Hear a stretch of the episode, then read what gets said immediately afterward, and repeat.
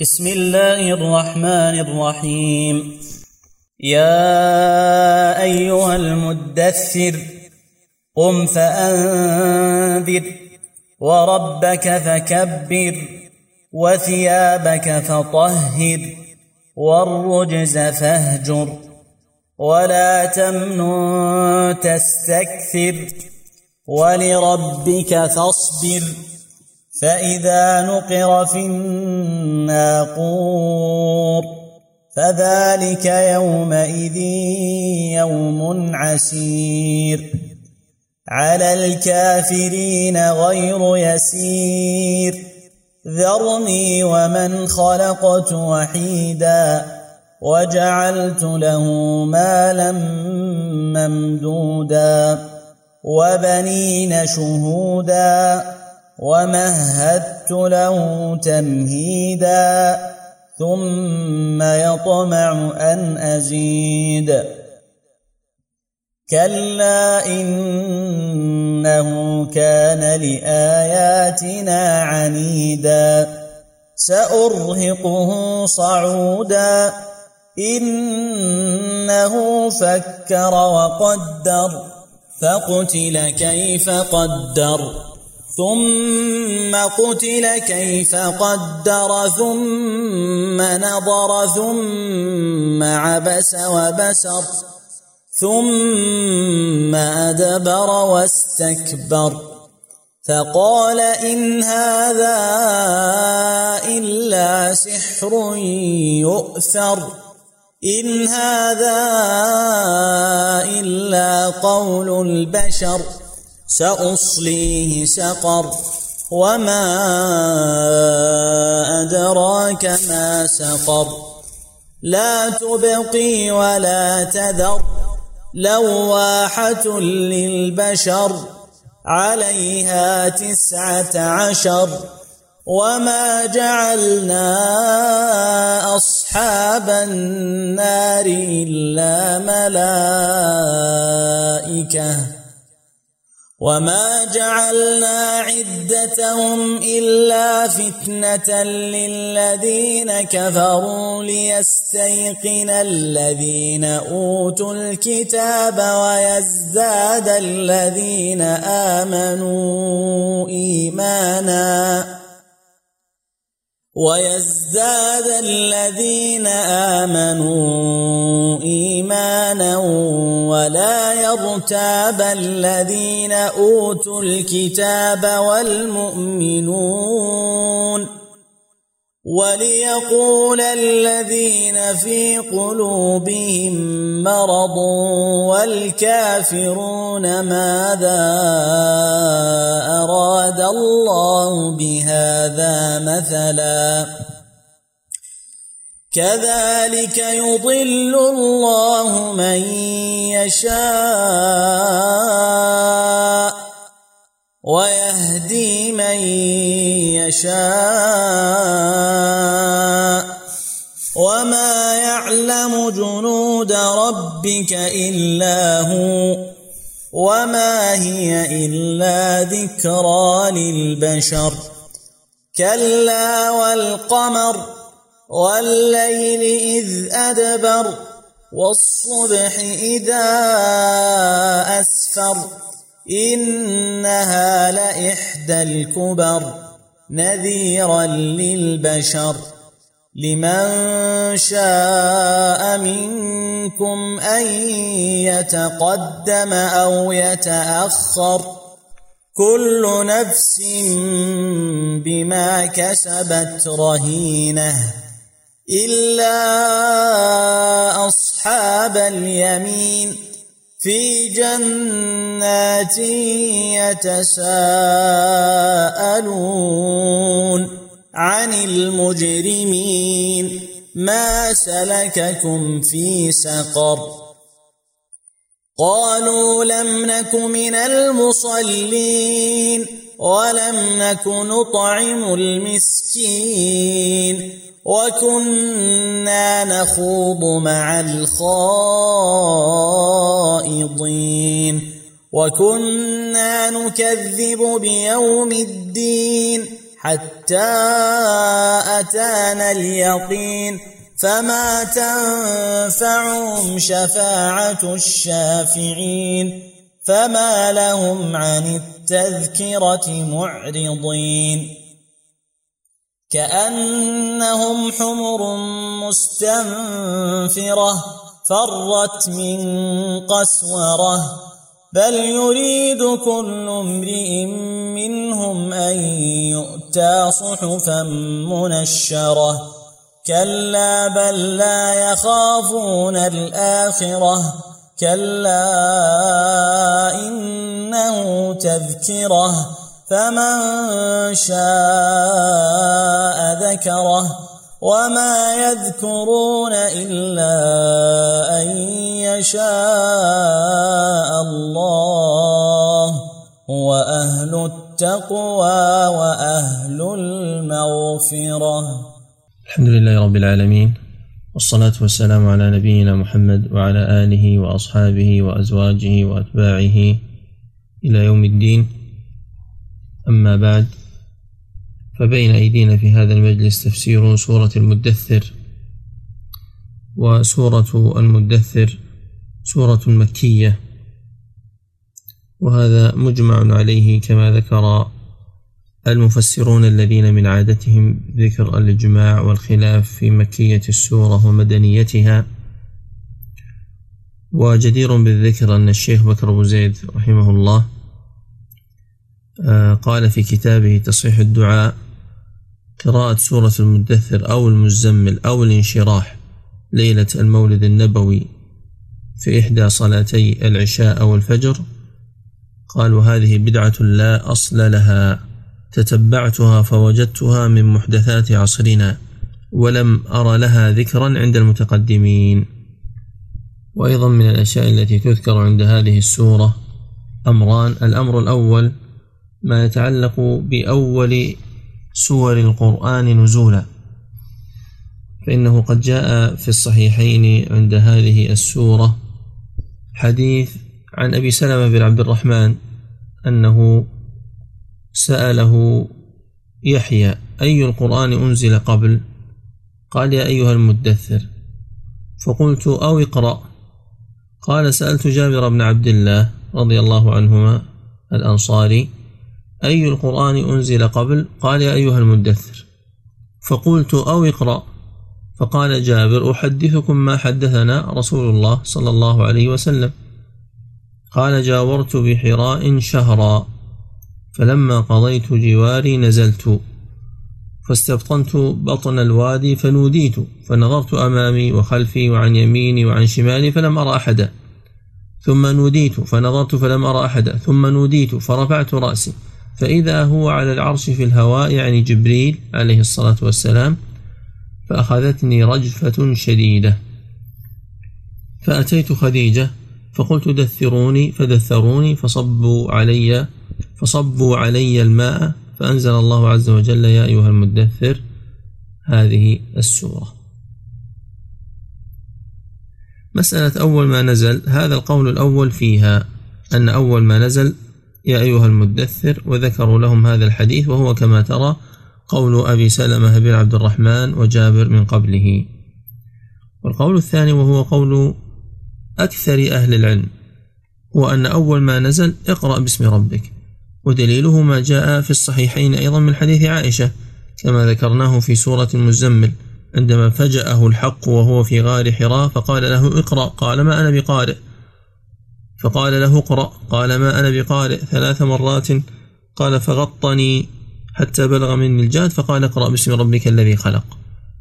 وهذا هو قول عائشة كما رواه الحاكم والبيهقي في الدلائل وصححاه وهو قول أبي موسى الأشعري رضي الله عنه كما رواه الطبراني بسند صححه السيوطي. وهو قول عبيد بن عمير ومجاهد وعامة أهل العلم. ودليلهم هو هذا الحديث الصريح الواضح. ويؤيده رواية فبين أنا أمشي في حديث جابر نفسه في الصحيحين فبين أنا أمشي سمعت صوتا من السماء فرفعت رأسي فإذا الملك الذي جاءني بحراء جالس على كرسي بين السماء والأرض. الملك الذي جاءني بحراء صريح جدا في أن هذه القصة جاءت بعد قصة نزول سورة العلق. وأما جوابهم عن هذا الحديث الذي جاء في الصحيحين عن جابر فهو من عدة أوجه خمسة أوجه. الوجه الأول أن السؤال كان عن السورة التي نزلت كاملة فتكون سورة المدثر نزلت كاملة بعد نزول صدر سورة العلق. والجواب الثاني أن هذا استخرجه جابر رضي الله عنه واستنبطه بفهمه من الحديث الذي سمعه من النبي صلى الله عليه وسلم وليس في روايته وإنما هو قال أحدثكم ما سمعت من النبي صلى الله عليه وسلم فذكر الحديث الذي فيه نزول سورة المدثر وليس فيما قاله النبي صلى الله عليه وسلم دليل على أنها أول ما نزل. الجواب الثالث هو أن المراد بالأولية أولية مخصوصة وهو ما كان بعد فترة الوحي لا مطلقا لأنه قد جاء ما يدل على أن الوحي بعدما نزل سورة علق حصلت فترة. وجاء حديث في صحيح البخاري قد يكون مشكل على بعض الناس أن النبي صلى الله عليه وسلم بلغ منه الحزن أنه ذهب مرارا كي يتردى من رؤوس شواهق الجبال. فكلما أوفى بذروة جبل لكي يلقي نفسه منه تبدى له جبريل. فقال يا محمد إنك رسول الله حقا فيسكن جأشه ويرجع. ولكن هذا مرسل. وتراجعون كلام ابن حجر فيه. فإن البخاري عندما أسند الحديث ووصل عند هذه النقطة ذكر عن الراوي الذي رواه قال فيما بلغنا أن النبي صلى الله عليه وسلم فعل كذا. فهذا القدر ليس ثابتا. الجواب الثالث أو الرابع هذا الجواب الرابع. أن المراد بالأولية هي أولية الأمر بالإنذار وليس أولية النزول مطلقا. فإن سورة العلق فيها نبوة النبي عليه الصلاة والسلام وسورة المدثر فيها رسالة هذا مبني على ما سبق تفصيله في سورة الحج وغيرها من الفرق بين الرسالة والنبوة ولذلك هناك عبارة شهيرة نبئ بإقرأ وأرسل بالمدثر. نبئ بإقرأ وأرسل بالمدثر هذه قالها ابن تيمية والذهبي وابن كثير والعز ومحمد بن عبد الوهاب. جواب خامس أن المراد أول ما نزل بسبب لأن القرآن ينقسم إلى قسمين ما نزل ابتداء بلا سبب كسورة العلق وما نزل بسبب يعني له سبب نزول. فيكون سبب نزوله هو التدثر الذي حصل له. هذان أشهر قولين فيما يتعلق بأول السور نزولا. هناك من يقول بسم الله الرحمن الرحيم. أول ما نزل. وهذا القول حكاه ابن النقيب وجاء عن عكرمة والحسن وجاء عن ابن عباس لكن الصواب هو اقرأ لأن ظاهر حديث عائشة المتفق عليه السابق أنه بعدما غطه الملك قال له اقرأ ما قال بسم الله الرحمن الرحيم. ثم بعد ذلك ينزل الله عز وجل ما شاء من الآيات فيلحقها بما شاء من السور. وأما القول بأن أول ما نزل سورة الفاتحة فهذا فيه بعد. حديثه مرسل الحديث الذي ورد في ذلك حديث مرسل. ومن أراد التفصيل فليراجع الإتقان للسيوطي هذه مسألة من المسألة الأخرى التي أردنا أن نشير إليها في مطلع هذه السورة لعله الفائدة المتعلقة بتفسير الجلالين. كما تعلمون أن تفسير الجلالين المقصود به جلال الدين المحلي الذي فسر من سورة الكهف إلى الناس ومواضع غير معروفة من سورة البقرة وجلال الدين السيوطي تلميذه الذي أكمل هذا التفسير. الشاهد أن بعض علماء اليمن قال عددت حروف القرآن وتفسيره للجلالين فوجدتهما متساويين إلى سورة المزمل. ومن سورة المدثر التفسير زائد على القرآن فعلى هذا يجوز حمله بغير الوضوء. فإذا كان التفسير في عمومه أكثر من القرآن هذا هو المنح الأول. طبعا هذه القصة وهذا الخبر ذكره حاجي خليفة في كشف الظنون. وهذا مبني على ماذا؟ على أن الحكم للأغلب إذا اجتمع التفسير والقرآن في كتاب فالحكم للأغلب. فإذا كان حروف التفسير أكثر جاز مسه بلا وضوء ولم يأخذ حكم المصحف. وإن كانت حروف القرآن أكثر فعلى ضد مما سبق. ولكن هناك منحى آخر وهو أن العبرة باسم هذا الكتاب. هل هو قرآن في حاشيته تفسير؟ أو هو تفسير؟ وإن كانت الزيادة يسيرة. حينئذ إذا كان تفسيرا أخذ الحكم الأول وإذا كان قرآن أخذ الحكم الثاني. وهذه النتيجة التي وصل إليها هذا العالم الذي لم يسمى.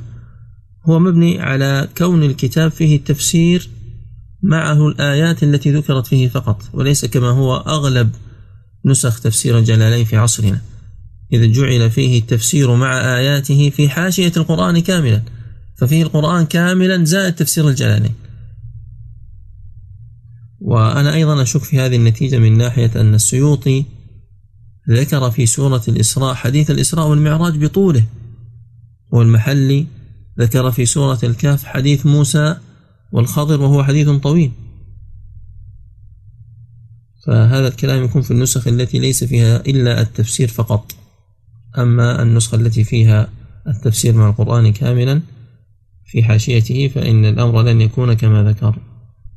وكذلك ذكروا في سورة النور. سورة النور داخلة في جزء من؟ في جزء المحلي. في سورة النور ذكر حادثة الإفك. في سورة النور ذكر حادثة الإفك. قال تعالى بسم الله الرحمن الرحيم. يا أيها المدثر. أصلها يا أيها المتدثر ثم أضغمت التاء في الدال وهي قراءة أبي كما سبق في يا أيها المتزمل. ومعنى المتدثر أي المتلفف بثيابه وهذا فيه تلطف في مخاطبة النبي صلى الله عليه وسلم إذ ناداه بحاله وعبر عنه بصفته. فلا شك أن المخاطب بذلك هو النبي عليه الصلاة والسلام وما ذكر أن هذا المراد به الصفة وليس الاسم محتمل ومن قال بأنه من أسمائه أيضا لا تثريب عليه. قم فأنذر. يعني باشر النذارة والدعوة إلى هذا الدين الذي حملته. كما يقول الإنسان قم بتأليف هذا الكتاب قم بكنس هذا المكان قم بالفعل بالأمر الفلاني. يعني ليس المقصود هو أن يقوم على رجليه إنما المقصود أن يباشر هذا العمل. قم فأنذر وربك فكبر. وربك مفعول به مقدم لكبر. وهذا التقديم يفيد الحصر أي أن هذا التكبير الذي هو التعظيم وهو قول الله أكبر أيضا خاص به سبحانه وتعالى. والتكبير يكون في الصلاة ويكون مطلقا. وثيابك فطهر. وثيابك فطهر فيه كلام كثير لأهل العلم. فقد ذكروا في معنى الثياب ثمانية أقوال. أن المراد بالثياب العمل أن المراد بالثياب القلب أن المراد بالثياب النفس أن المراد بالثياب الجسم الأهل الخلق الدين الثياب الملبوسة. ولا تستبعد هذه الأقوال بمجرد سردها فإن لها شواهد في لغة العرب وهي مستعملة وكل يقوي قوله بشاهده. لكن ستة أقوال منها من خلاف التنوع فتؤول إلى واحد ويكون خلاف التضاد بين ثلاثة أقوال.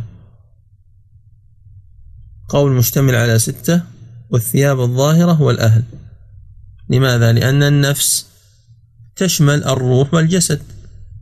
فالجسد داخل فيها فهذان قولان. قول من قال النفس وقول من قال الجسد. هو كالتعبير عن الشيء ببعضه. والقلب جزء من الجسد أيضا. والدين والخلق قائمان به. والعمل صادر منه ومتأثر بالخلق. وبعض الأخلاق أعمال. وتطهير هذه الستة متقارب. تطهير هذه الأمور الستة متقارب. أما تطهير الأهل فيختلف عنها وتطهير الثياب يختلف عنها. فإن شئت جعلتها ثلاثة أقوال وإن فصلتها جعلتها ثمانية. فمن ذهب إلى القول الأول الذي هو أن المراد العمل ثيابك أي عملك فطهر فالمعنى وعملك فأصلح كما نص عليه السلف فيكون تطهيرها أو تطهيره أي العمل تخليصه والنصح فيه وإيقاعه على أكمل الوجوه وتنقيته من المفسدات ومن المنقصات. وهذا ملخص من تفسير ابن سعدي. والذين قالوا بذلك آه، جم غفير مجاهد عبد الرحمن بن زيد بن أسلم أبو رزين مسعود بن مالك الأسدي النخعي كما رواه عنه ابن حبان السدي طبعا أبو رزين هذا رواه عنه الطبري وابن أبي شيبة. ومجاهد رواه عنه الطبري. وابن حبان نفسه أيضا قال بهذا القول وأهل اللغة كما حكاه عنهم المنذري. وأبو العباس بن تيمية ورجحه شيخنا عبد المحسن العباد لأنه نزل في أول الإسلام ولم ترد الشرائع بعد. فيبعد حمله على تطهير الثياب للصلاة وإن كان الفقهاء يستدلون بهذه الآية على ذلك في باب الصلاة بالنجاسة وغيرها وشروط الصلاة عند إزالة النجاسة وتطهير البقعة يذكرون هذا يذكرون هذه الآية مثل ابن قدامة وذكر ممن فسرها بذلك ابن سيرين فيضاف إلى من سبق. أن ابن سيرين قال هو غسل الثياب بالماء. عفوا. أي نعم هذا القول ابن سيرين سيأتي هو القول الأخير. لكن الشاهد هنا أنه عندما يذكر الفقهاء ذلك منهم من يعترض مثل ما اعترض ابن تيمية على هذا الاستدلال.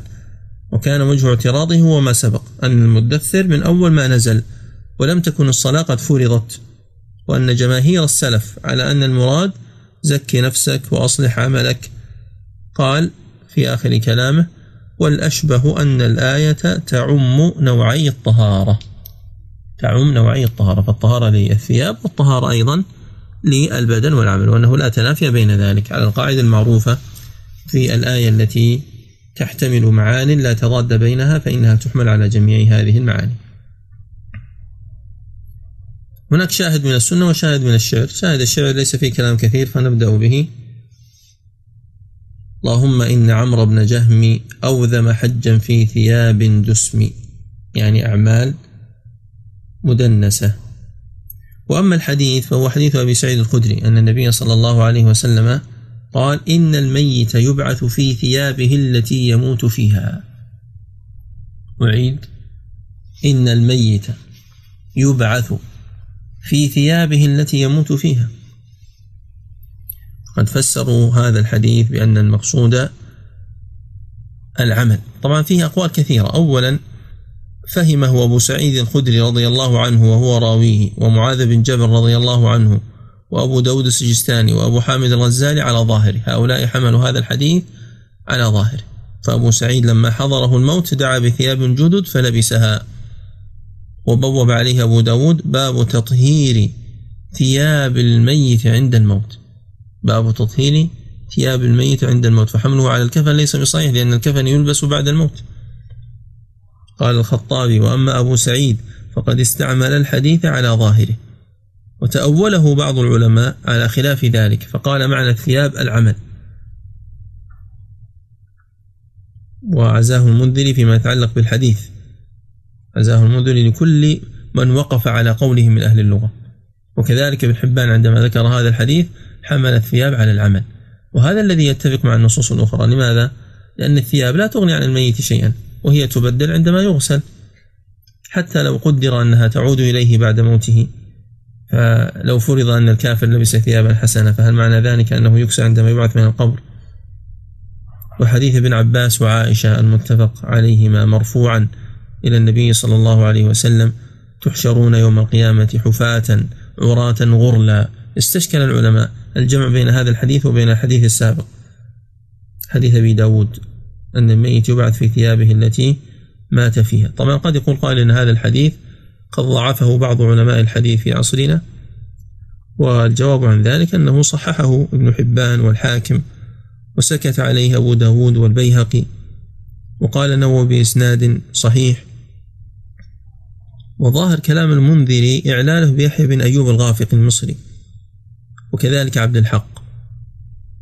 ولكن الواقع أنه لا تعل به الأحاديث العالم الذي أعل هذا الحديث هو لا يضاعف أحاديث يحيى بن أيوب الغافقي لأن ابن عدي في ترجمته ليحيى بن أيوب ذكر الأحاديث التي استنكرت عليه حديثا حديثا ولم يذكر منها هذا الحديث.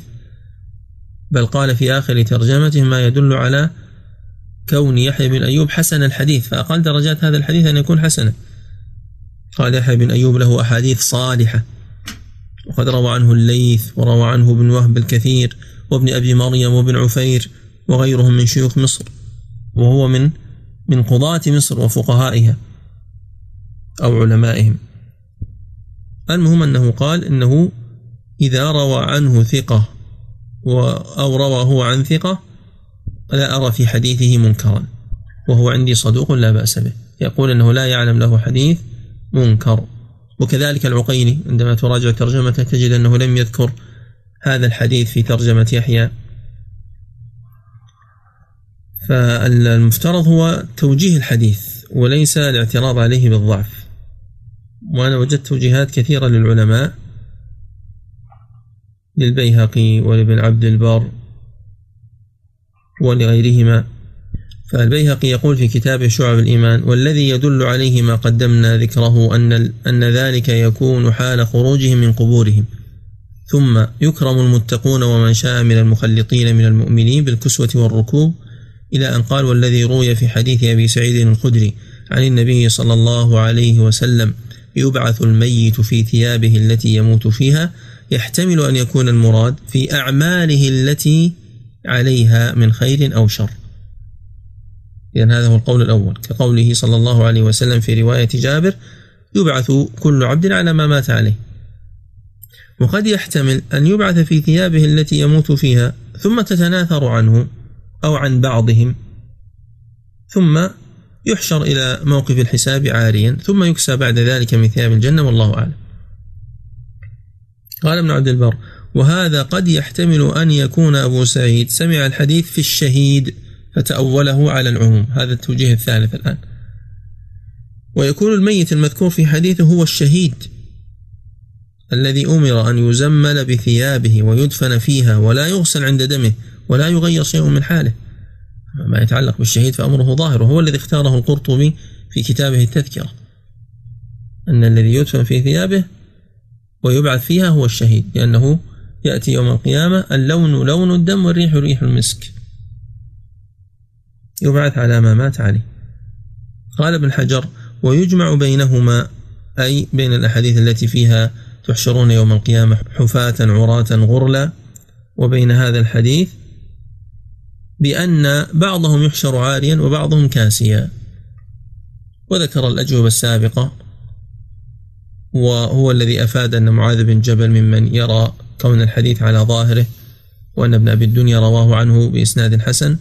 ونسبه أيضا للغزالي انتهينا من القول الأول الذي هو أن المراد وثيابك فطهر أي عملك. القول الثاني الذي جعله القلب جاء عن ابن عباس وسعيد بن جبير. وبناء عليه يكون تطهير القلب من المعاصي والآثام كما جاء عن ابن عباس وقتادة أو من الغدر كما جاء عن ابن عباس. واستشهد ابن عباس على هذا بقول غيلان بن سلم الثقفي فإني بحمد الله لا ثوب فاجر لبست ولا من غدرة أتقنع. كما رواه الطبري. وله شاهد أيضا من المعلقات عندما قال امرؤ القيس يا فاطمة مهلا بعض هذا التدلل وإن كنت قد أزمعت صرمي فأجملي. ما البيت الذي بعده؟ وإن كنت قد أزمعت صرمي فأجملي. وإن تك ساءتك.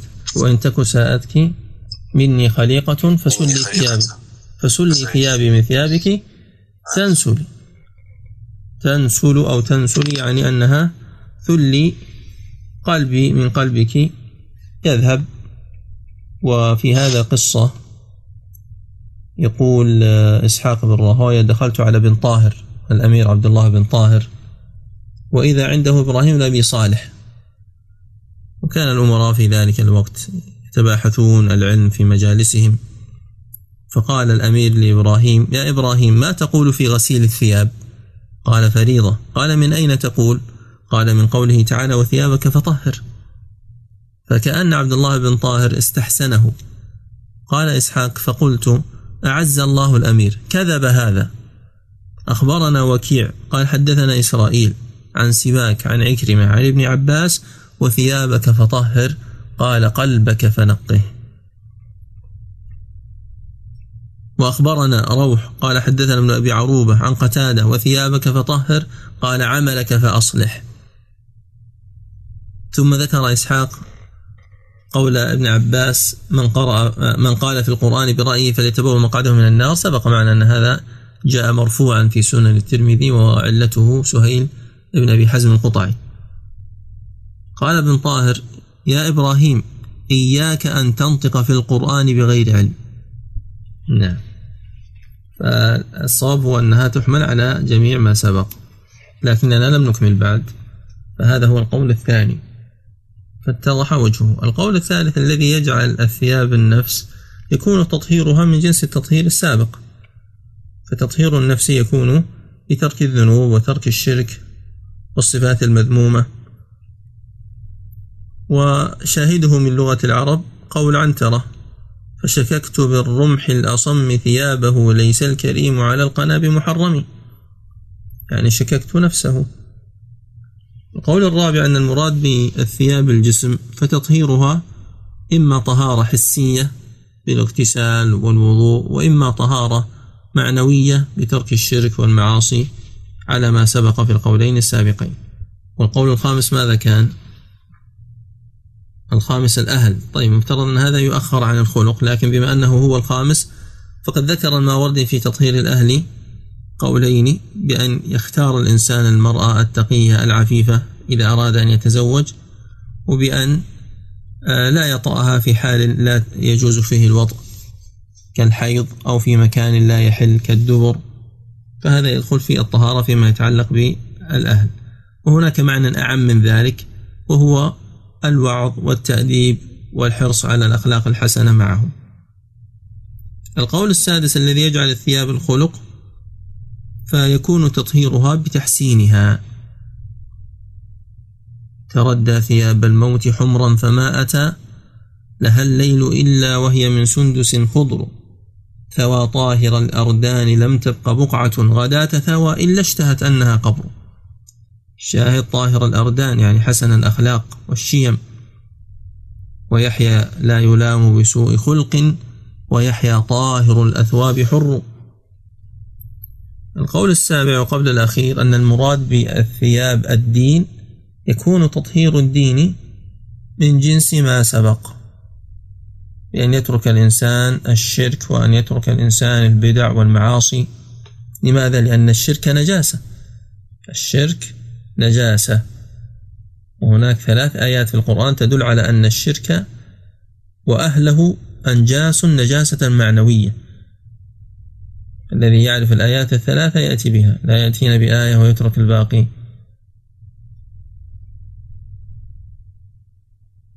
هل تأتون بها أو أو أعطيكم إياها أو نحيلها للبحث. اختاروا. خير البر عاجل طيب.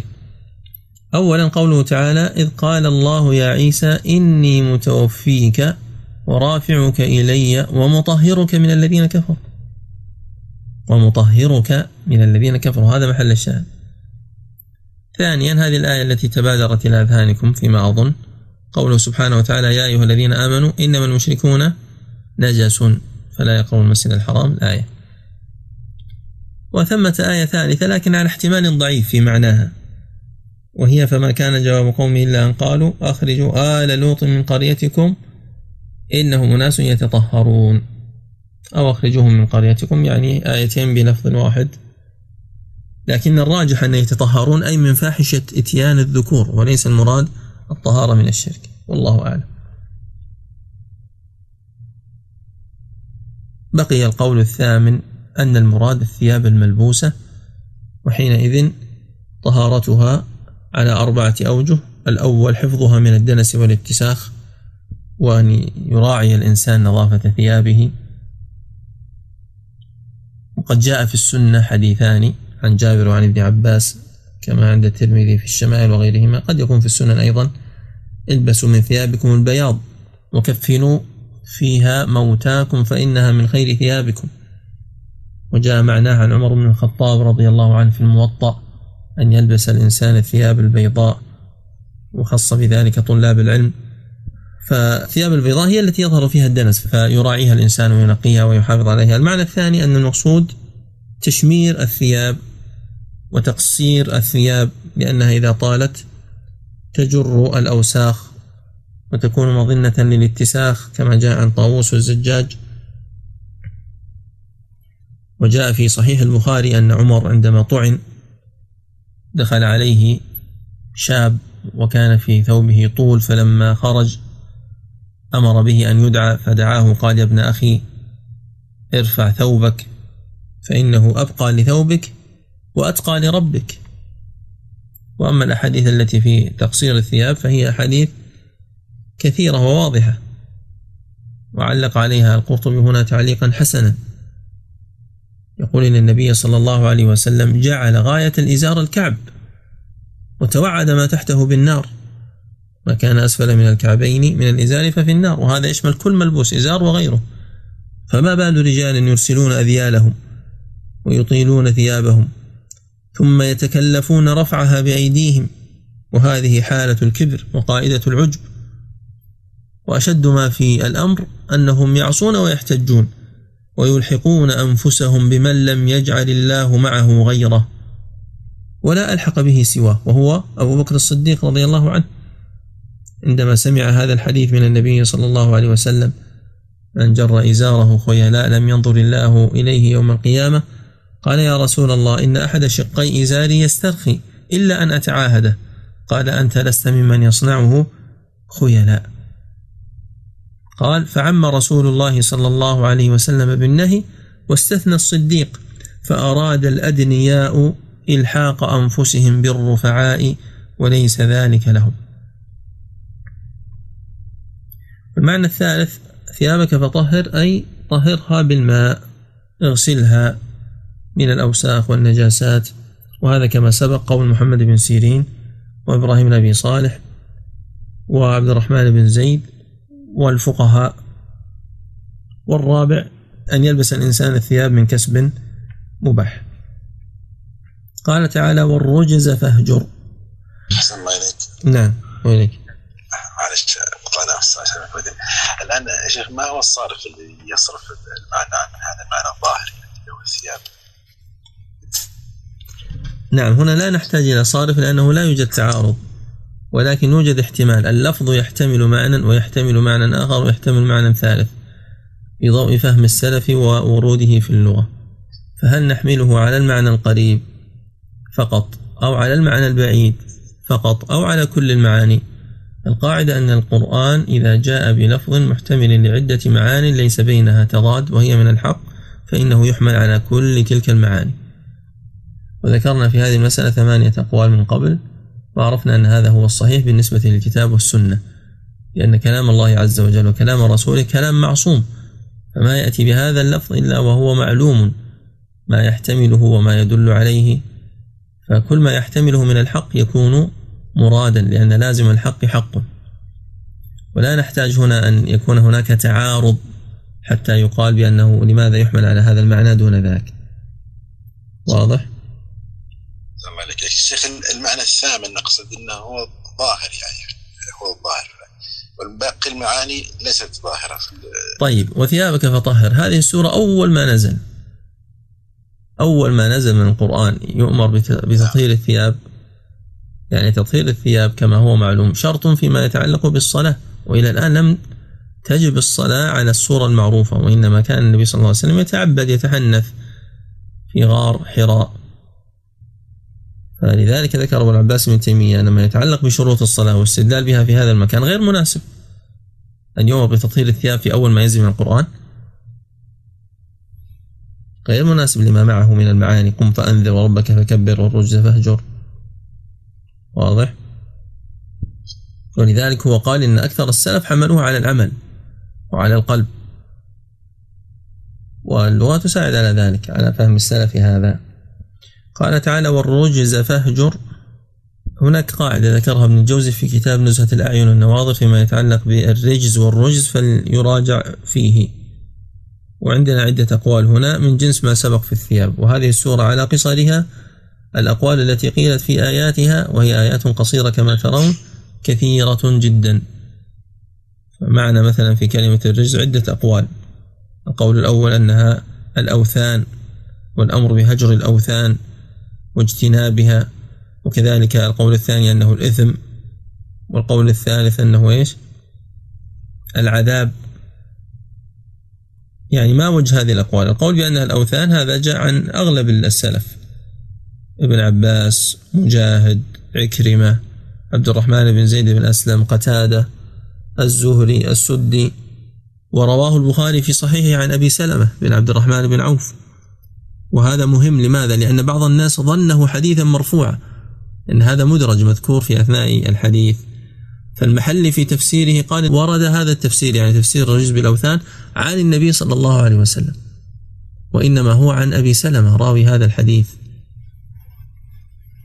راوي هذا الحديث عن عائشة كما في الصحيح فبين البخاري أن هذا من قول أبي سلمة فالروايات يفسر بعضها بعضا. قال تعالى فاجتنبوا الرجس من الأوثان. الرجس بالسين كما بين البخاري في صحيحه هو الرجز بالزاي وأما قول قتادة إساف ونائلة فإساف ونائلة من الأصنام فهو يرجع إلى القول الأول. والقول الثاني عن ابن عباس أن المراد به الإثم. الإثم عموما. وقد عممه ابن سعدي فقال أعمال الشر وأقواله. فهذا يدخل فيه الإثم. قول من قال بأنه العذاب كما قاله ابن السائب وهو القول الثالث. يعني اجتنب أسباب العذاب. لأن الأصل في الرجز أن يكون المراد به العذاب. لئن كشفت عنا الرجز لنؤمنن لك ولا نرسلن معك بني إسرائيل. فأرسلنا عليهم رجزا من السماء. فالأوثان هي التي تتسبب في دخول الناس في العذاب. وفي وقوع ونزول العذاب بهم. وهناك ثلاثة أقوال أخرى. فيكون القول الرابع أنه الشرك وهجران الشرك بهجران أسبابها ومن أسبابها الأوثان. هذا قول سعيد بن جبير والضحاك. والقول الخامس أنه الذنب والذنب بمعنى الإثم لكن هذا تعبير حسن. والقول السادس أنه الشيطان وهو قول ابن كيسان. وتلاحظ أن هذه متقاربة الشيطان هو الذي يوسوس بالذنوب وبعبادة الأوثان وهو الذي يوسوس بالشرك. وعلى كل حال هذا أمر للنبي صلى الله عليه وسلم وأمته تبع له في ذلك. قال ابن كثير وعلى كل تقدير فلا يلزم تلبسه صلى الله عليه وسلم بشيء من ذلك. كقوله تعالى يا أيها النبي اتق الله ولا تطع الكافرين والمنافقين. لا يلزم من ذلك أنه قد أطاعهم ولذلك المحلي قال عند هذه الآية أي استمر وداوم. على ماذا؟ على هجرك للأوثان. ولا تمنن تستكثر. وفيه تنبيه أيضا لماذا؟ لهذه الدعوة ولهذه النذارة ولهذه النبوة أنها مناصبة العداء لهذه المعبودات. لذلك يقال والرجز فاهجر ولا تمنن تستكثر. طبعا الرجز والرجز قراءتان منهم من قال أنهما بمعنى واحد ومنهم من فرق. وقد ذكر ذلك القرطبي في تفسيره. فقرأ حفص عن عاصم والرجز فاهجر وقرأ البقية والرجز فاهجر. ولا تمنن تستكثر فيه أيضا أقوال كثيرة. القرطبي جعلها أحد عشر قولا لكنها متداخلة في الحقيقة. يعني مثل ما سبق معنا التداخل وارد. وقد نبه أبو العباس بن تيمية إلى هذا أن بعضهم يكثر الأقوال في الشيء وهي ليست أقوالا في الحقيقة وإنما هو اختلاف في التعبير. فمما قيل في معنى هذه الآية ولا تمنن تستكثر أي لا تمنن من المنة على من؟ لا تمنن على ربك بتحملك لما سيأتيك من أثقال النبوة فتستكثر ذلك وتراه كثيرا وتعده كثيرا. القول الثاني لا تعطي عطية تلتمس بها أفضل منها. تمن بالأعطاء تستكثر يعني تطلب وتنوي وتريد بعطائك هذا أن يرد عليك أكثر مما أعطيت. وعلى هذا التفسير يكون هذا خاصا بالنبي صلى الله عليه وسلم نهي خاص به كما صرح بعض من قال بهذا القول. وهذا القول جاء عن ابن عباس وابن عمر رضي الله عنهما. ومن التابعين عكرمة وقتادة والضحاك والنخعي وسعيد بن جبير قد رواه عنهم ما عدا ابن عباس وقتادة بن أبي شيبة في تفسيره آه ابن أبي شيبة في مصنفه. وأسند إلى الضحاك أنه قال ولا تمنن تستكثر لا تعطي لتعطى أكثر منه. وأسند إليه وما آتيتم من ربا ليربو في أموال الناس فلا يربو عند الله. قال هذا كان للنبي صلى الله عليه وسلم خاصة. وأسند أيضا إلى مجاهد أنه قال الهدايا أن المراد الهدايا. لكن هذا مباح لأمته. وهناك قول ثالث وهو قول مجاهد أيضا لا تضعف عن الاستكثار من العمل فتمن هنا من المنة بمعنى الضعف. وعنه أيضا لا يعظم عملك في عينك أن تستكثر الخير. فإنه مما أنعم الله عز وجل عليك به. وهذا معنى مهم وهو أن بعض الناس يستروح يعني يرى أنه قدم ولله الحمد عملا كثيرا وأنه أبلى بلاء حسنا فيريد ماذا؟ أن يترك العمل الصالح. نقول لا أنت لابد أن تثابر على العمل حتى تموت. لا تستروح إلى ما قدمت بل تخاف. الذين يؤتون ما آتوا وقلوبهم وجلة أنهم إلى ربهم راجعون. لا يقول الإنسان إنه ألف كذا من الكتب أو قام بزيارة كذا من البلاد وبناء كذا من المساجد ودعوة كذا من الخلق وأسلم على يده كذا. يقول الحمد لله أنا قدمت ما يكفيني وأرتاح الآن. يقول لا لا يكفي هذا. واظب حتى تموت على ذلك. هذا خير لك. لا تمنن تستكثر. لا تستكثر عملك فترى لك منة على الله عز وجل. لأن الله عز وجل هو الذي يمن عليك بذلك. وهذا هو عين القول الخامس الذي هو قول الحسن لا تمنن على الله بعملك فتستكثره هذا ليس قولا مخالفا وإن عده قرطبي خامسا. القول السادس لا تمنن بالنبوة والقرآن على الناس لتأخذ منهم أجرا تستكثر به. لا أسألكم عليه من أجر؟ إن أجري إلا على الله. السابع قول القرظي الذي هو محمد بن كعب لا تعطي مالك مصانعة. هذا القول في الحقيقة فيه نظر. لماذا؟ لأن هذا حسن لا ينهى عنه. وقد بوب عليه البيهقي وذكر البخاري أثرا في كتابه الأدب المفرد. القول الثامن إذا أعطيت عطية فأعطها لربك. هذا يرجع إلى القول الثاني يعني لا تلتمس ما عند الناس لتستكثر به وإنما تعطيه ابتغاء وجه ربك. فينبغي أن يكون زيد بن أسلم ممن قال بالقول الثاني. تاسع لا تقل دعوت فلم يستجب لي. العاشر لا تعمل طاعة وتطلب ثوابها ولكن أصبر ولكن اصبر حتى يثيبك الله. وهذا ليس بشيء. هذا القول ليس بشيء. والقول الحادي عشر والأخير لا تفعل الخير لترائي به الناس وهذا بعيد عن لفظ الآية. إذا الخلاصة لا تمنن تستكثر أي لا تعطي شيئا وأنت تريد من المعطى أفضل منها ولا ترى عملك عظيما في عينك فتستكثره وتنقطع بذلك عن العمل الصالح. ولربك فاصبر. يعني اجعل صبرك ابتغاء وجه الله عز وجل واجعل صبرك لله عز وجل. وهنا فائدة ذكرها ابن هشام في قطر النداء يمكن أن يراجع فيما يتعلق به. لا تمنن تستكثر وليست تستكثر بالسكون. فأنا أشعر بأنني أطلت عليكم فلذلك أريدكم أن ترجعوا إلى قطر الندى وتنظروا هذه الفائدة متعلقة به وأقرنوها بالقراءات التي خرجت عن القراءات السبع. مما جاء عن الحسن وغيره في هذه الآية. الصبر على ثلاثة أقسام. صبر على أوامر الله عز وجل فيصبر على النذار وعلى تحمل أعباء النبوة والدعوة وكذلك من يقوم مقامه من بعده من العلماء والدعاة. والصبر على الأقدار فيصبر على الأذى الذي سيلحقه بسبب هذه الدعوة ومحاربة العرب والعجم له. وكذلك الإنسان يصبر على البلاوى وعلى الامتحان الذي يقدره الله عز وجل عليه. والثالث الصبر عن المعاصي. الصبر عن المعاصي. مثل تمن تستكثر ومثل مقاربة الرجز من الإثم والأصنام. فإذا نقر في الناقور فذلك يومئذ يوم عسير. إذا نقر في الناقور ذهب عامة المفسرين إلى أن المراد نفخ في الصور. لكن قال الحسن الناقور والحسرة والبطشة الكبرى والتغابن والجاثية والتناد هذا كله يوم القيامة كما روى ابن أبي الدنيا في الأهوال. لكن يبدو والله أعلم أن يوم القيامة فذلك يومئذ يعني يوم ينقر في الناقور يوم عظيم يوم ينفخ في الصور ذلك اليوم الذي يحدث فيه هذا الحدث هو يوم القيامة.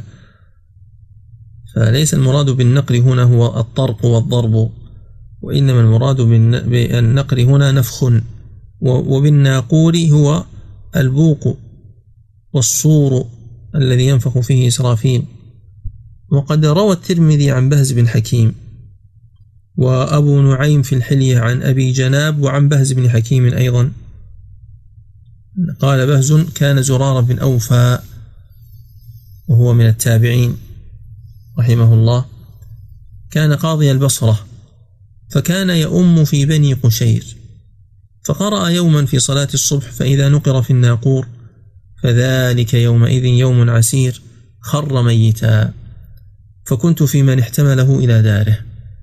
قال الذهبي صح. كان هذا سنة 93 كما في السير وكما سبق رواه الترمذي وهو حديث صحيح. ونقل المنذر عن الحاكم قوله صحيح الإسناد وهذا نقله في الترغيب والترهيب وليس في المستدرك. لكن يكفي أنه خرجه فيه يكفي تخريجه في المستدرك كما في مقدمة المستدرك أن من شرطه الصحة في كل ما يذكره. فذلك يومئذ يوم عسير على من؟ على الكافرين غير يسير يعني ليس بلين ولا سهل ولا هين. وإنما هو عسير شديد على الكفار.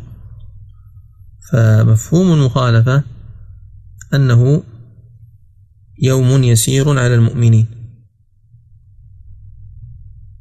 وقد جاء عن ابن عباس في قوله تعالى فإذا نقر في الناقور قال قال رسول الله صلى الله عليه وسلم كيف أنعم وصاحب القرن قد التقم القرن وحنى جبهته يستمع متى يؤمر فينفخ. فقال أصحاب النبي صلى الله عليه وسلم كيف نقول؟ قال قولوا حسبنا الله ونعم الوكيل على الله توكلنا. إذا محل البحث إن شاء الله في هذا المجلس هو تخريج هذا الحديث وبيان درجته. حديث ابن عباس في تفسير قوله تعالى فإذا نقر في الناقور. قال صلى الله عليه وسلم كيف أنعم؟ وصاحب القرن قد التقم القرن. وحنى جبهته يستمع متى يؤمر فينفخ. كان سؤال المجلس السابق عن تكرار جملة فاقرأوا ما تيسر في سور في آخر آية من سورة المزمل. فاقرأوا ما تيسر من القرآن ثم فاقرأوا ما تيسر منه. ألا تغني إحدى الجملتين عن الأخرى؟ فما هو الجواب؟ وحسان تفضل. أكيد يا شيخ على الأمر. طيب الأصل في الكلام التأسيس يعني كل ما أمكن التأسيس فإنه مقدم على التأكيد. التأكيد معنى صحيح بلا شك أن التكرار يراد به التأكيد هذا لا يشك فيه أحد. لكن إذا وجد معنى يحمل عليه الكلام وهو مؤسس فإنه أولى من القول بالتأكيد. الجواب أنك إذا تأملت تجد أن الكلام الأول عام لكل المؤمنين. إن ربك يعلم أنك تقوم أدنى من ثلثي الليل ونصفه وثلثه وطائفة من الذين معك. الله يقدر الليل والنهار. علم أن لن تحصوه كلكم أيها المؤمنون. فتاب عليكم جميعا بالتخفيف. فاقرأوا معشر المؤمنين ما تيسر من القرآن في قيام الليل. ثم ذكر أصحاب الأعذار وآخرون وآخرون وآخرون. فقال لهؤلاء فاقرأوا أنتم أيضا ما تيسر منه. يعني لا تتركوا قيام الليل بالكلية وإن كنتم مرضى. اقرأوا ما تيسر منه. وإن كنت ممن يضرب في الأرض وإن كنت مجاهدا اقرأ ما تيسر منه. فيحمل الخطاب في كل على من سبقه والله تعالى أعلم. قال تعالى ذرني ومن خلقت وحيدا. ذرني أي اتركني ودعني ومن خلقت يعني والذي خلقته وحيدا. هذا مثل قوله تعالى في سورة المزمل وذرني والمكذبين أولي النعمة ومهلهم قليلا. عامة المفسرين على أن المراد بمن خلقه وحيدا في هذه الآية هو الوليد ابن المغيرة المخزومي. خلق الله عز وجل كل الخلق وحيدين ولكنه خصه بالذكر هنا لمعنى. وهو أنه كان يتكبر بهذا ويرى نفسه وحيدا مع أنه عتل زنيم كما سبق في سورة نون.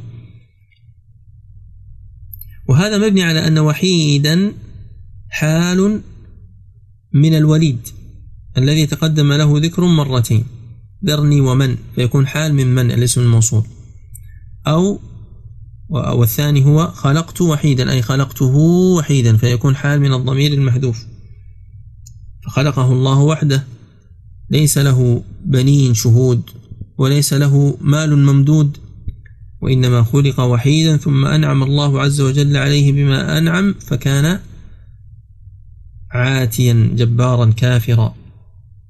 هناك قول بأن وحيدا حال من آه، فاعل ذرني يعني حال من الله عز وجل. بمعنى خلقته وحدي ما شاركني أحد في خلقه. فكما خلقته وحدي فأنتقم منه وحدي.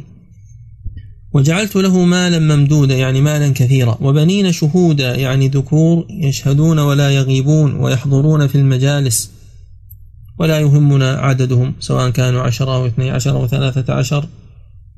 لكن المهم أن منهم من أسلم خالد بن الوليد.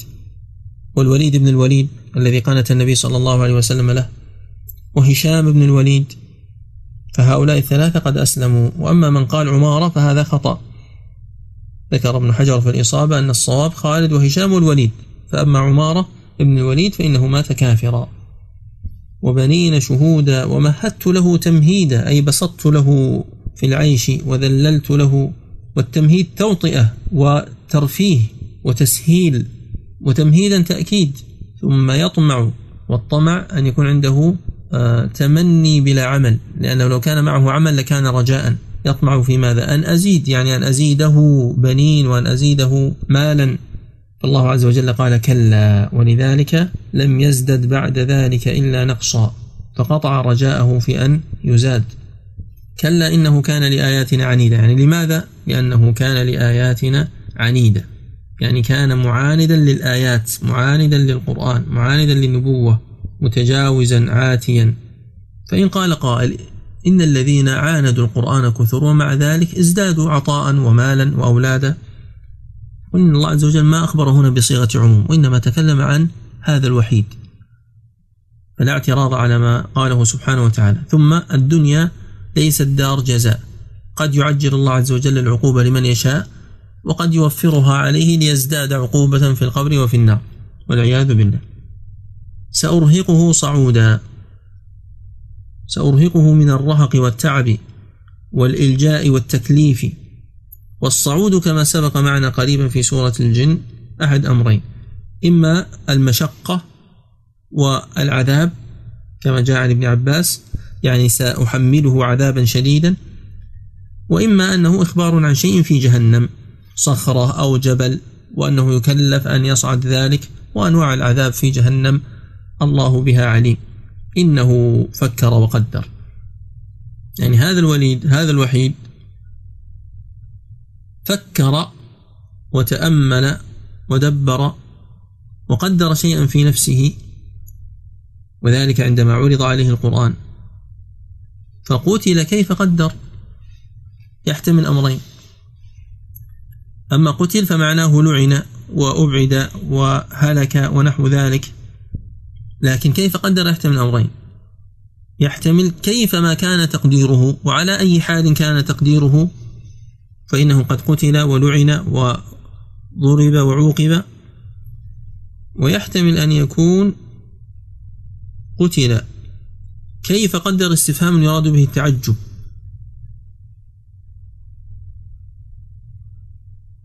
ثم قتل كيف قدر تأكيد لما سبق. ثم نظر أي تأمل ودبر. ثم عبس وبسر. عبس قطب عينيه وكلح. وبسر زاد في التعبيس. وتغير لونه. ومنه قوله تعالى وجوه يومئذ باسرة تظن أن يفعل بها فاقرة.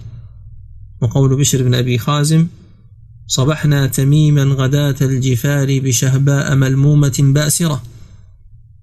وقال ثوب بن الحمير وقد رابني منها صدود رأيته وإعراضها عن حاجتي وبسورها. فعبس كلح وبسر زاد في ذلك العبوس ثم أدبر واستكبر. أدبر أي أعرض عن القرآن واستكبر أي تعظم في نفسه. فقال إن هذا إلا سحر يؤثر. يعني بعد أن قلبها ولم يجد لها وجها خلص إلى كونه سحرا. وذلك أنه عندما طلب منه أن يستمع إلى النبي صلى الله عليه وسلم كما سبق أن ذكرنا في سورة فصلت خرج إليهم بغير الوجه الذي دخل به وانعزل في بيته واستغربوا منه فقال لهم كلاما صادما لهم. قال والله لقد سمعت منه كلاما ما هو بكلام الإنس ولا كلام الجن. إن له لحلاوة وإن عليه لطلاوة وإن أعلاه لمثمر وإن أسفله لمغدق وإنه لا يعلى ولا يعلى عليه. وما يقول هذا بشر. فلما أثاروه وأثاروا حفيظته وكلموه بكلام لا يحسن بين لهم أن كلامه ليس كلام مجنون وأنتم تقولون مجنون ولا بكلام كاهن ولا بكلام شاعر ولا بكلام ساحر. ثم رجع وفكر ونظر ودبر وأخبر كما أخبر سبحانه وتعالى هنا وفعل كما أخبر سبحانه وتعالى هنا. فقرر في الأخير أن يقول كما قال سبحانه فقال إن هذا إلا سحر يؤثر. وهذا الأثر الذي سبق جاء من وجهين. الأول عبد الرزاق عن معمر عن أيوب عن عكرمة عن ابن عباس. هذا رواه البيهقي في الشعب. والثاني حماد بن زيد عن أيوب عن عكرمة مرسلا. وهذا ذكره البيهقي في الشعب. والخلاف بين حماد بن زيد وبين معمر. وشيخهما أيوب. فمعمر يجعله متصلا بذكر ابن عباس وحماد بن زيد يجعله مرسلا بحذف ابن عباس. وقد روى الطبري بسند صحيح عن قتادة قوله إنه فكر وقدر قال زعموا أنه قال والله لقد نظرت فيما قال هذا الرجل فإذا هو ليس له بشعر وإن له لحلاوة وإن عليه لطلاوة وإنه ليعلو وما يعلى وما أشك أنه سحر فأنزل الله فيه فقتل كيف قدر. إذا ما معنى يؤثر في قوله إن هذا؟ يعني ما هذا؟ إلا سحر يؤثر يعني ينقله عن غيره. أثره بمعنى نقله عن غيره كما قال عمر فما حلفت بها ذاكرا ولا آثرا. يعني لا من تلقاء نفسي ولا ناقلا عن غيري. إن هذا إلا قول البشر. هكذا زعم. يعني ما هذا القرآن إلا قول يقوله البشر. ولماذا سمي البشر بشرا لظهور بشرتهم. فالبشر ليسوا مثل الحيوانات يغطيهم الشعر أو الصوف أو الوبر أو الحراشف كالأسماك أو غير ذلك أو الريش كالطيور. فسمي البشر بشرا لظهور بشرتهم. ومن نفى عن الله تعالى صفة الكلام أو جعله المعنى النفسي فإنه قد دخل في هذه الآية. في جعله هذا القرآن قول البشر أو قول الملك. فإن قالوا القول يشتمل على الحروف والمعاني ونحن جعلنا المعاني من الله تعالى. وهذا الوحيد الذي هو الوليد جعلهما جميعا قول البشر. قيل فهذه موافقة له في النصف. كما قال أبو العباس بن تيمية هذا نصف قول الوحيد. وإنما نقول اللفظ والمعاني من الله عز وجل وليس للبشر فيه إلا البلاغ. وليس للملك فيه إلا البلاغ فهو قول رسول كريم لأنه بلغه. وأما الذي قاله ابتداء فهو الله عز وجل.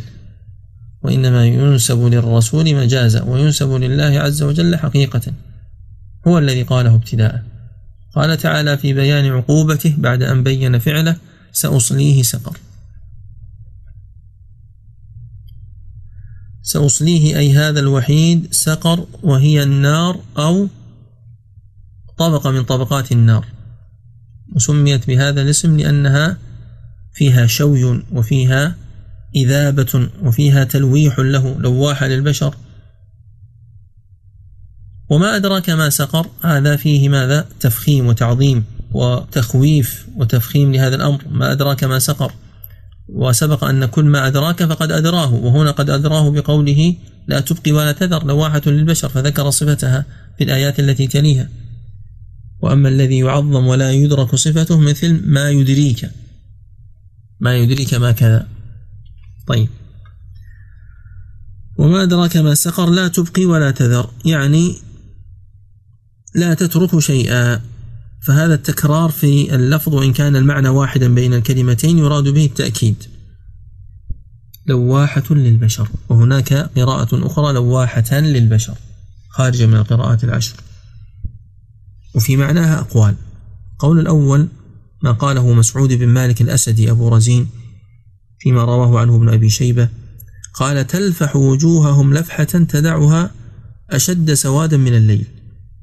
فهي حينئذ لواحة بمعنى أنها تلوحه بمعنى أنها تشويه وتغير لونه.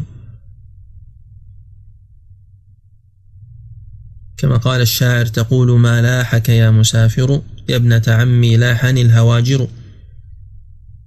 وتعجب هند أن رأتني شاحبة. تقول لشيء لوحته السماسم. تقول لشيء لوحته السمائم. يعني السموم. الريح الحارة غيرت لون وجهه. فالذين يتعرضون للشمس كثيرا. لا شك أن بشراتهم تتلوح وتتغير. القول الثاني لواحة أي أنها تجعلهم يعطشون. وتسبب لهم شدة العطش لأن التاح بمعنى عطش. قول الثالث لواحة من الإشارة والإلماع يلوح بيده فهي تلوح لهم من بعيد ويرونها من مسافة بعيدة. عليها تسعة عشر لا شك أن المراد خزنة النار. وسيدهم مالك كما جاء في السنة بل كما جاء في آخر سورة الزخرف أيضا. ونادوا يا مالك ليقضي علينا ربك. فلا شك أنهم تسعة عشر تسعة عشر. وأما ما ذهب إليه القرطبي وبعضهم أن تسعة عشر هم النقباء والرؤساء وتحتهم ما لا يعلم عدده. استدلالا بقوله تعالى بعد ذلك وما يعلم جنود ربك إلا هو فهذا فيه نظر. إن هذا العدد صريح وهو نص. وأما وما يعلم جنود ربك إلا هو فليس هو متعلق بعدد من سبق. فإن من سبق قد بين عدده. وإنما لا يعلم كيفيتهم ولا يعلم صفتهم ولا يعلم, ولا يعلم كيف سيعذب هؤلاء التسعة عشر كل هؤلاء البشر إلا الله. إن الله عز وجل قد أعطى الملائكة من القدرة ما ليس للبشر. ولذلك جعله فتنة. وما جعلنا أصحاب النار إلا ملائكة. وما جعلنا عدتهم إلا فتنة بناء على ذلك. ولذلك ابن المبارك وعفان بن مسلم كلاهما روي عن حماد بن سلمة قال حدثني الأزرق بن قيس قال حدثني رجل من بني تميم قال كنا عند أبي العوام فقرأ هذه الآية وما أدراك ما سقر لا تبقي ولا تذر لواحة للبشر عليها تسعة عشر. فقال يسأل من عنده. ما تسعة عشر؟ تسعة عشر ألف ملك أو تسعة عشر ملكا؟ فقال هذا الرجل قلت لا بل تسعة عشر ملكا. قال وأنا تعلم ذلك؟ فقلت قوله تعالى وما جعلنا عدتهم إلا فتنة. فتنة للذين كفروا. تسعة عشر ألف ما تكون فتنة. قال صدقت هم تسعة عشر ملكا ثم ذكر شيئا من صفتهم. رواه ابن المبارك في الزهد وابن أبي شيبة في المصنف. وجهالة الرجل من تميم. هي تضعف الخبر لكن هذا موقوف. وما وليس فيه شيء يحتاج إليه. يعني هذا يقوله كل واحد. فالمعنى الذي فيه صحيح بلا شك. فنقول إن عدتهم كما نطقت به الآية. وقد جاء في ذلك أيضا حديث عند الترمذي. وأحمد. نذكره لأنه ليس له يعني مناسبة أخرى إلا أن يذكر هنا. آه، عن جابر بن عبد الله قال قال ناس من اليهود لأناس من أصحاب النبي صلى الله عليه وسلم هل يعلم نبيكم عدد خزنة جهنم؟ قالوا لا ندري حتى نسأل نبينا. فجاء رجل إلى النبي صلى الله عليه وسلم قال يا محمد غلب أصحابك اليوم. قال وماذا غلبوا؟ قال سألهم يهود هل يعلم نبيكم عدد خزنة جهنم؟ قال فماذا قالوا؟ قال قالوا لا ندري حتى نسأل نبينا. قال أفغلب قوم سئلوا عما لا يعلمون؟ فقالوا لا نعلم حتى نسأل نبينا. لكنهم قد سألوا نبيهم فقالوا أرنا الله جهرة علي بأعداء الله إني سائلهم عن تربة الجنة وهي الدرمك. فلما جاءوا قالوا يا أبا القاسم كم عدد خزنة جهنم؟ قال هكذا وهكذا في مرة عشرة وفي مرة تسعة قالوا نعم. قال لهم النبي صلى الله عليه وسلم ما تربة الجنة؟ قال فسكتوا هنيها. ثم قالوا أخبزة يا أبا القاسم؟ فقال رسول الله صلى الله عليه وسلم الخبز من الدرمك. قال الترمذي حديث غريب إنما نعرفه من هذا الوجه من حديث مجالد عن الشعبي عن جابر فما قصر؟ بين لنا العلة. ففي إسناده مجالد بن سعيد الهمداني وهو ضعيف بالإضافة إلى أن هذه السورة من أول ما نزل. يعني متى سأل اليهود هذه الآية؟ في ضمن سورة نزلت كاملة في أول البعثة في مكة. فكيف يقولون لا نعلم حتى نسأل نبينا؟ أو كان هؤلاء ممن لم يقرأوا القرآن؟ فلا شك أن هذا الحديث ضعيف ولا حاجة إلى الوقوف معه وإنما ذكر ليعلم حاله. قال تعالى وما جعلنا أصحاب النار إلا ملائكة وما جعلنا عدتهم إلا فتنة للذين كفروا ليستيقن الذين أوتوا الكتاب ويزداد الذين آمنوا إيمانا ولا يرتاب الذين أوتوا الكتاب والمؤمنون وليقول الذين في قلوبهم مرض والكافرون ماذا أراد الله بهذا مثلا؟ كذلك يضل الله من يشاء ويهدي من يشاء وما يعلم جنود ربك إلا هو وما هي إلا ذكرى للبشر. بعد أن ذكر سبحانه وتعالى عدد خزنة جهنم وأنهم تسعة عشر قال إنه ما جعل أصحاب النار إلا ملائكة وليسوا تسعة عشر من جنسكم حتى تقيسوا وتقدروا وتتعاطون مغالبتهم. ليسوا رجالا ليسوا إنسا ولا جنا وإنما هم ملائكة. إذا كان ملك الموت يقبض أرواح بني آدم في الكرة الأرضية كما يأمره الله عز وجل. عشرة هنا وعشرين هناك وثلاثون هنا في لحظة واحدة يموتون كلهم. طيب فكان ماذا؟ يعني التعذيب أشق ولا هذا؟ لا شك أن أمور الملائكة ليست من أمور الشهادة بحيث يقيسها الإنسان كما فعل أبو جهل عندما سمع هذا العدد. يعني نقلوا عنه أنه قال ثكلتكم أمهاتكم. أسمع من أبي كبشة يخبركم أن خزنة جهنم تسعة عشر وأنتم الدهم الشجعان. فيعجز كل عشرة منكم أن يبطشوا بواحد منهم. وكذلك نقلوا عن أبي الأشد بن كند الجمحي. قال أنا أكفيكم سبعة عشر واكفوني أنتم اثنين. وقال بمنكب الأيسر أدفع تسعة وبمنكب الأيمن أدفع عشرة وتمرون إلى الجنة. كل هذا يقولونه استهزاء ولذلك كان فتنة لهم. قال وما جعلنا عدتهم أي عددهم إلا فتنة أي ابتلاء ومحنة واختبارا للذين كفروا. وبلية لهم وزيادة في تكذيبهم. وهذا من إضلال الله عز وجل بالقرآن. كذلك يضل به أو يضل به كثيرا ويهدي به كثيرا. فالإضلال يكون لأمثال هؤلاء بمثل هذه الكيفية. ليستيقن يعني ليحصل اليقين لمن؟ للذين أوتوا الكتاب. فالذين أوتوا الكتاب كيف يحصل لهم يقين وهم أيضا كفروا. الجواب الذين آمن منهم كعبد الله بن سلام أو ليحصل عندهم يقين يلزمهم بالإيمان.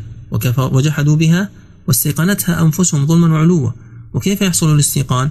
بأنه جاء بعدد موافق لما في كتبكم. ويزداد الذين آمنوا من غير الذين أوتوا الكتاب إيمانا. لأن كل معلومة يؤمن بها الإنسان يزداد بها إيمانا. ولا يرتاب يعني لا يشك. الذين أوتوا الكتاب في كونه حق. والمؤمنون. وهذا فيه تأكيد لما سبق لأن الاستيقان هو عدم الارتياب ومن المفسرين من فصل وغير جعل الذين أوتوا الكتاب والذين آمنوا الأولى غير الذين أوتوا الكتاب والمؤمنون الثانية. وعلى كل حال القول بأن الارتياب المقصود به النفاق فهذا ضعيف لأن هذه الآية نزلت في مكة. والذين قالوا النفاق قالوا المراد بذلك النفاق الذي سينجم. والذي سيأتي فهو إخبار عما سيحصل في قوله تعالى آه وليقول الذين في قلوبهم مرض والكافرون الكافرون واضح أمرهم لكن من الذين في قلوبهم مرض؟ لكن الأصوب في هذا أن يقال الكفار على قسمين. من كفر جزما فهؤلاء هم الكافرون ومن كان في ذلك الوقت لم يكفر بعد لكن في قلبه شك وتردد. فهؤلاء الذين أيضا جنس من الكفار. يقولون كما يقول الذين كفروا جزما ماذا أراد الله بهذا مثلا؟ ماذا أراد الله بهذا العدد الذي ذكره مثلا أي حديثا وصفة؟ مثل الجنة التي وعد المتقون كما في سورة الرعد ومثلها في سورة محمد. فالجواب عن سؤالهم هو كذلك يضل الله من يشاء يعني ليكون سببا في فتنة هؤلاء الذين كفروا ممن شاء الله إضلاله. يعني كما أضل هؤلاء يضل من يشاء من سائر الخلق ويهدي من يشاء كما هدى هؤلاء الذين استيقنوا يهدي من يشاء من الخلق. وما يعلم جنود ربك لا صفة ولا عددا إلا هو سبحانه وتعالى. يعني في الحقيقة وإن علمنا نحن العدد بالنسبة لهؤلاء الخزنة لكن لا يعلم عددهم كلهم في كل حال إلا هو. وهو قد أخبرنا بما أخبرنا به من عدد الملائكة في بعض الأمور مثل الحفظة. له معقبة بين يديه خلفه يحفظون من أمر الله الكتبة وغير ذلك. وما هي؟ هي ضمير يرجع إلى أي شيء؟ إما أن يرجع إلى سقر يعني وما سقر التي هي النار أو يرجع إلى هذه الذكرى وهذه العظة التي سبقت أو إلى الدلائل والحجج. ما هي إلا ذكرى للبشر. موعظة لينظر من الذي يؤمن ومن الذي يكفر. كلا والقمر. والليل إذ أدبر إذا دبر. والصبح إذا أسفر إنها لا إحدى الكبر. كلا إما أن تكون بمعنى لا. يعني ليس الأمر كما يزعم هؤلاء من أنهم يقاومون خزنة جهنم. أو كلا بمعنى حقا. والقمر إقسام منه سبحانه وتعالى بالقمر كما أقسم في سورة الشمس به. وإقسام بالليل إذا دبر أو إذا أدبر قراءتان. وهناك قراءة ثالثة خارجة من القراءات. العشر والليل إذا أدبر بألفين. قراءة أهل اليمن محمد اليماني. ثم في المراد بإدباره أي ذهابه وهذا واضح. والليل إذا أدبر أي إذا ذهب. والليل إذ أدبر أي والليل إذا أي إذ ذهب. ومنهم من يجعل دبر بمعنى أدبر ومنهم من يجعله بمعنى أقبل. وأما تصويب قراءة أدبر وأن دبر ليس بصحيح لأن الدبر إنما يكون للبعير هو الذي يصيبه الدبر بمعنى التقرحات في الظهر. فهذا ليس بلازم قد يكون اللفظ مشتركا بين معنيين. والصبح إذا أسفر أي ظهر وأشرق واستنار إنها لإحدى الكبر. هذا هو المقسم عليه. أقسم بالقمر وبالليل وبالصبح أنها ما هي؟ فيها أقوال. لإحدى الكبر. القول الأول أن هذا الذي وقع منهم من التكذيب بالنبي صلى الله عليه وسلم. القول الثاني أن هذه النار التي ذكرت أو الساعة وقيامها لإحدى الكبر يعني لإحدى الأمور العظائم الشديدة. والكبر جمع كبرى كصغر صغرى وعظم عظمى نذيرا للبشر. الذي جعل نذيرا للبشر حال من قم فأنذر نذيرا للبشر هذا مستبعد. لماذا؟ لطول الفصل. ومنهم من جعله حالا من إنها لا إنها ما تأتي. لإحدى الكبر نذيرا للبشر لا إله إلا الله. هذه على هذه القراءة هي حال ولا شك أن القراءة الأخرى موجهة. نذير للبشر خبر لمبتدئ محذوف لكن نذيرا قالوا بأنه منصوب على الحال. وما جعلنا أصحاب النار حال كوننا أو حال كون الله عز وجل نذيرا للبشر. فالله عز وجل أنذر البشر بهذه النار. طيب فهذه النذارة لمن؟ لمن شاء منكم أن يتقدم ويتأخر. فهذا كالبدل من للبشر. فالذي ينتذر به هو من يشاء يعني يريد ويعزم ثم يقدم عملا أن يتقدم أو أن يتأخر أن يتقدم بالإيمان فيدخل الجنة أو يتأخر بالكفر فيدخل النار. قال أبو رزين نذيرا للبشر يقول عز وجل أنا لكم منها نذير فاتقوها كما رواه الطبري وابن أبي شيبة. إذا التقدم والتأخر هنا ليس حسيا بأن يمشي الإنسان للأمام أو يتراجع إلى الخلف. وإنما التقدم بالعمل الصالح والإيمان والتأخر يكون بالكفر والعصيان. كل نفس بما كسبت رهينة. بعض الناس يريد أن يقرأ سورة المدثر ويريد أن يقف في أثنائها ويجد الكلام مترابط. نقول إذا وقف هنا يحسن أن يركع ويبدأ كل نفس بما كسبت رهينة لأنه كالكلام الجديد. طيب رهينة نكرة آه عفوا رهينة مؤنث. فكيف يخبر عن كل نفس بأنها مؤنث نقول النفس تؤنث. النفس تؤنث. هي تقبل التأنيث والتذكير. فكل نفس بما كسبت أي بما عملت رهينة أي مرتهنة. كما قال الشاعر وفارقتك برهن لا فكاك له يوم الوداع فأضحى الرهن قد غرق. يعني كل نفس محبوسة مرتهنة مقيدة بعملها كما سبق في تبسل كل نفس. أي تحرم وتدفع وترتهن والأقوال التسعة التي ذكرناها هناك. فالإنسان يكون مرتهنا بعمله يوم القيامة.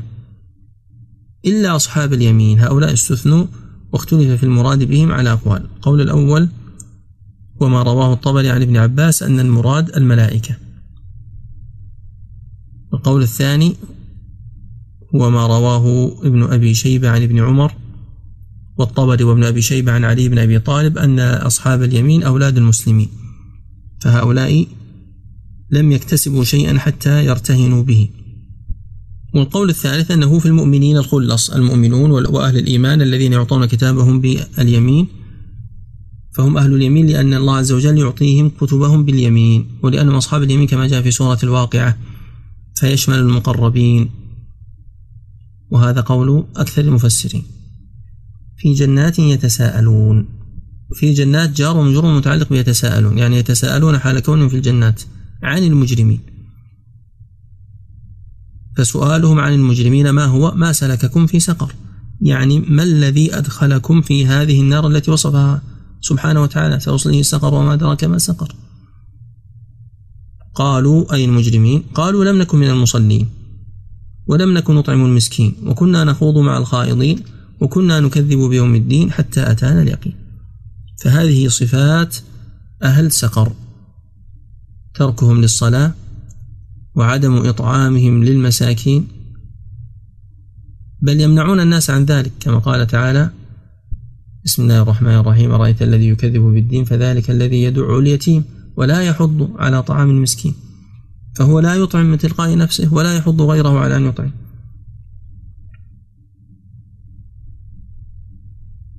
في آية في سورة الفجر من يذكرنا بها؟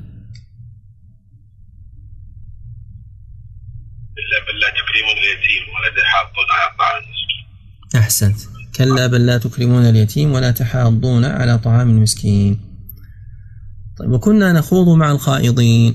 الخوض كما سبق في سورة الأنعام يحتمل أمرين. الخوض بمعنى الدخول في الشيء فحينئذ إنما يكون مذموما إذا كان الخوض بالباطل. فالإنسان قد يخوض في الحق وقد يخوض بالباطل. والثاني أن الخوض خاص بالدخول في الباطل. عندما يكون هناك وحل ماء مختلط بالطين وتريد أن تمشي في هذا الوحل فأنت تتخوض فيه. يعني تمشي فيه ولا تدري لأن الماء عكر لا تدري ما الذي تحت هذا الماء. قد يصيبك أذى وأنت لا تراه. وهذا مثله مثل الخائض لماذا؟ لأنه يتكلم فيما لا يحسن. فيأتي بالأباطيل. سواء كان هذا في أمر الدين أو في أمر الدنيا كله يسمى خوضا. فهنا كنا نخوض مع الخائضين ولا نتوقف عما لا نحسن وإنما يقولون كما يقول غيرهم إن هذا النبي كاذب إنه شاعر إنه مجنون إنه ساحر. إلى غير ذلك من الخوض بالباطل كالذي يتكلم في أحكام الشرع بلا علم. هذا من الخوض المذموم. قالوا وكنا نكذب ونجحد ولا نعترف ولا نؤمن ولا نقر بيوم الدين أي يوم الجزاء والحساب وهو يوم القيامة. حتى أتانا اليقين أي حتى جاءنا الحق وعلمنا أن تكذيبنا لم يكن بشيء. ووقع عليهم ما كانوا به يكذبون فماتوا ورأوا بأعينهم وسمعوا بآذانهم. قال تعالى فما تنفعهم شفاعة الشافعين؟ فدام هذا حالهم وهذا مصيرهم فما تنفعهم؟ ما هذه استفهامية؟ يعني ما الذي سينفعهم؟ والاحتمال الثاني أن تكون ما نافية يعني لا تنفعهم شفاعة أي شافع كان. والمراد بذلك هو التعميم ولا يستثنى من ذلك إلا ما جاء في السنة بالنسبة للنبي صلى الله عليه وسلم مع عمه. فما لهم عن التذكرة معرضين؟ فما لهم ما هذه استفهامية؟ مبتدأ ولهم جار ومجرور خبر. ومعرضين حال. يعني ما شأنهم وما بالهم هؤلاء الكفار معرضون ومدبرون وتاركون لهذه التذكرة التي تنفعهم. ثم شبه إعراضهم بقوله كأنهم حمر مستنفرة. حمر جمع حمار. وحمار الوحش إذا ذعر نفر نفرة شديدة. وليس هذا فقط. قال فرت من قسورة. يعني سبب نفورها أمر مخيف. فوصفه بقوله من قسورة وفيه قولان القول الأول أسد وهو قول أبي هريرة وأحد الروايات عن ابن عباس. والثاني الرماة والصيادين. قسورة أي رام كما جاء أيضا عن ابن عباس وأبي موسى الأشعري وعن سعيد بن جبير وعكرمة ومجاهد وقتادة وابن كيسان. بل جاء عن ابن عباس أنه قال ما أعلم القسورة الأسد في لغة أحد من العرب ولكنها عصب الرجال.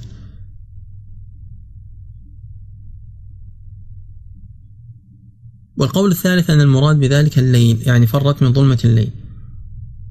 فرت من قسورة. بل يريد كل امرئ منهم أن يؤتى صحفا منشرة يعني يريد كل واحد من هؤلاء الكفار أن يعطى كتابا من الله عز وجل لفلان بن فلان. يخصه. حتى قالوا ولن نؤمن لرقيك حتى تنزل علينا كتابا نقرأه وقيل أرادوا كتابا بالأمان وأنهم يدخلون الجنة وأنهم يأمنون من النار قال مطر الوراق أرادوا أن يعطوا بغير عمل يريد أن يرجو ويطمع كل واحد من هؤلاء الكفار أن يعطى صحفا منشرة أي منشورة مفعالة من النشر أي الفتح والإمكان. من الاطلاع والقراءة كلا بل لا يخافون الآخرة. يعني لن يعطوا ما يريدون بل لا يخافون الآخرة أي, أي القيامة لأنهم لا يؤمنون بها. جاء عن الحسن كلا بل لا يخافون الآخرة. قال هذا الذي فضحهم كما رواه ابن أبي شيبة. كلا إنه تذكرة إنه الضمير يرجع إلى القرآن. كلا إن هذا القرآن تذكرة أي موعظة. فمن شاء ذكره كما في سورة عبسة. فالأمر مفتوح. والله عز وجل أعطى كل إنسان إرادة. فمن شاء آمن واتعظ بهذا القرآن وانتفع به. وما يذكرون إلا أن يشاء الله هو أهل التقوى وأهل المغفرة. فأثبت المشيئة للإنسان قال فمن شاء ذكره وأثبت المشيئة لله عز وجل قال إلا أن يشاء الله. وذكر أمرا ثالثا وهو أن مشيئة العبد داخلة تحت مشيئة الله. وهذه عمدة في باب الإمام القضاء والقدر. تحل عقدا كثيرة تحل عقدا كثيرة عند الجبرية والقدرية. إذا آمن الإنسان بهذه النقاط الثلاثة التي جاءت في هذه السورة وجاءت في آخر سورة التكوير. وما يذكرون يعني ما يتعظون وفي قراءة أخرى وما تذكرون إلا أن يشاء الله لكم أن تكونوا متعظين متذكرين. هو أي الله؟ أهل التقوى. يعني أهل أن يتقى وأهل المغفرة. يعني جدير أن يغفر لعباده. جاء عن أنس بن مالك رضي الله عنه أن النبي صلى الله عليه وسلم قال في هذه الآية قال الله تبارك وتعالى أنا أهل أن أتقى فمن اتقاني فلم يجعل معي إلها فأنا أهل أن أغفر له. وهذا حديث ضعيف في سهيل بن أبي حزم القطعي وهو ضعيف وصلى الله وسلم على نبينا محمد وعلى آله وصحبه أجمعين. أحسن الله إليك. وإليك عودا على بدء يا شيخ بس بداية التفسير آه، ذكرت أن أحد الأقوال من قالوا بأن إنما نزلت مطلع سورة العلق ثم نزلت سورة المدثر كاملة. طيب على هذا القول آه، ذكر في سورة المدثر مثل ما رأينا قصة المشرك الذي فكر وقتل الوليد وكذلك ذكر إعراض المشركين داخل السورة كيف يكون ذلك مثل في أول مقام نزول النبي صلى الله عليه وسلم. أو أحسنت. فيما بعد يعني. أحسنت هذا كلام جميل. الراجح والله تعالى أعلم هو أن كلا السورتين نزل مطلعها أولا. يعني أولا نزل مطلع سورة العلق إلى أرأيت الذي ينهى. ما بعد أرأيت الذي ينهى جاء عندما نهى أبو جهل النبي صلى الله عليه وسلم عن الصلاة. فأول السورة نزل بلا سبب نزول والقسم الثاني من سورة العلق نزل في حينه بسبب نزول الذي ورد. يا أيها المدثر الجزء الأول منها نزل بعد الجزء الأول من سورة العلق ثم ما بعد ذلك نزل في حين نزوله. فالذي ذكرناه ذكرناه عن السيوطي لأنه ذكر خمسة أوجه لم نذكرها بالترتيب الذي ذكره لكن أقوى الأوجه في الجواب عن قول أبي سلمة وجابر بأن سورة المدثر نزلت قبل سورة العلق هو أن حديث جابر فيه فجاءني الملك الذي رأيته بحراء فدل ذلك على أنه رآه من قبل فلا شك أن العلق أول ما نزل هذا لا شك فيه لكن لا يلزم من ذلك أن يكون سورة المدثر نزلت برمتها الصواب أن أولها نزل لوحده فهذا تنبيه جميل جزاك الله خيرا. كنت بقول نفس هذه الفكرة مطلع السور هو الذي نزل يعني تتابعا كامل جزاك الله خير وإياك. أحسن الله إليك يا شيخ. وجه النهي في أن لا نبدأ في الركعة الثانية. كل نفس ما كسبت رهينة. ما في نهي. نقول إذا شئت. إذا شئت اقرأ السورة برمتها وإذا أردت أن تقسمها فهذا موقف حسن. لأن الكلام قبله الكلام قبله مترابط. أحسن الله إليك. آه، يوم عسير على الكافرين غير يسير. هل هناك تكرار؟ لأن العسير هو غير اليسير. تبحثون؟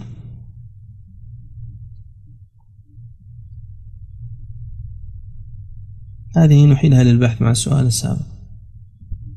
هل قصد فيه شيخ أن لا يوجد فيه أي أي يسر خلال اليوم.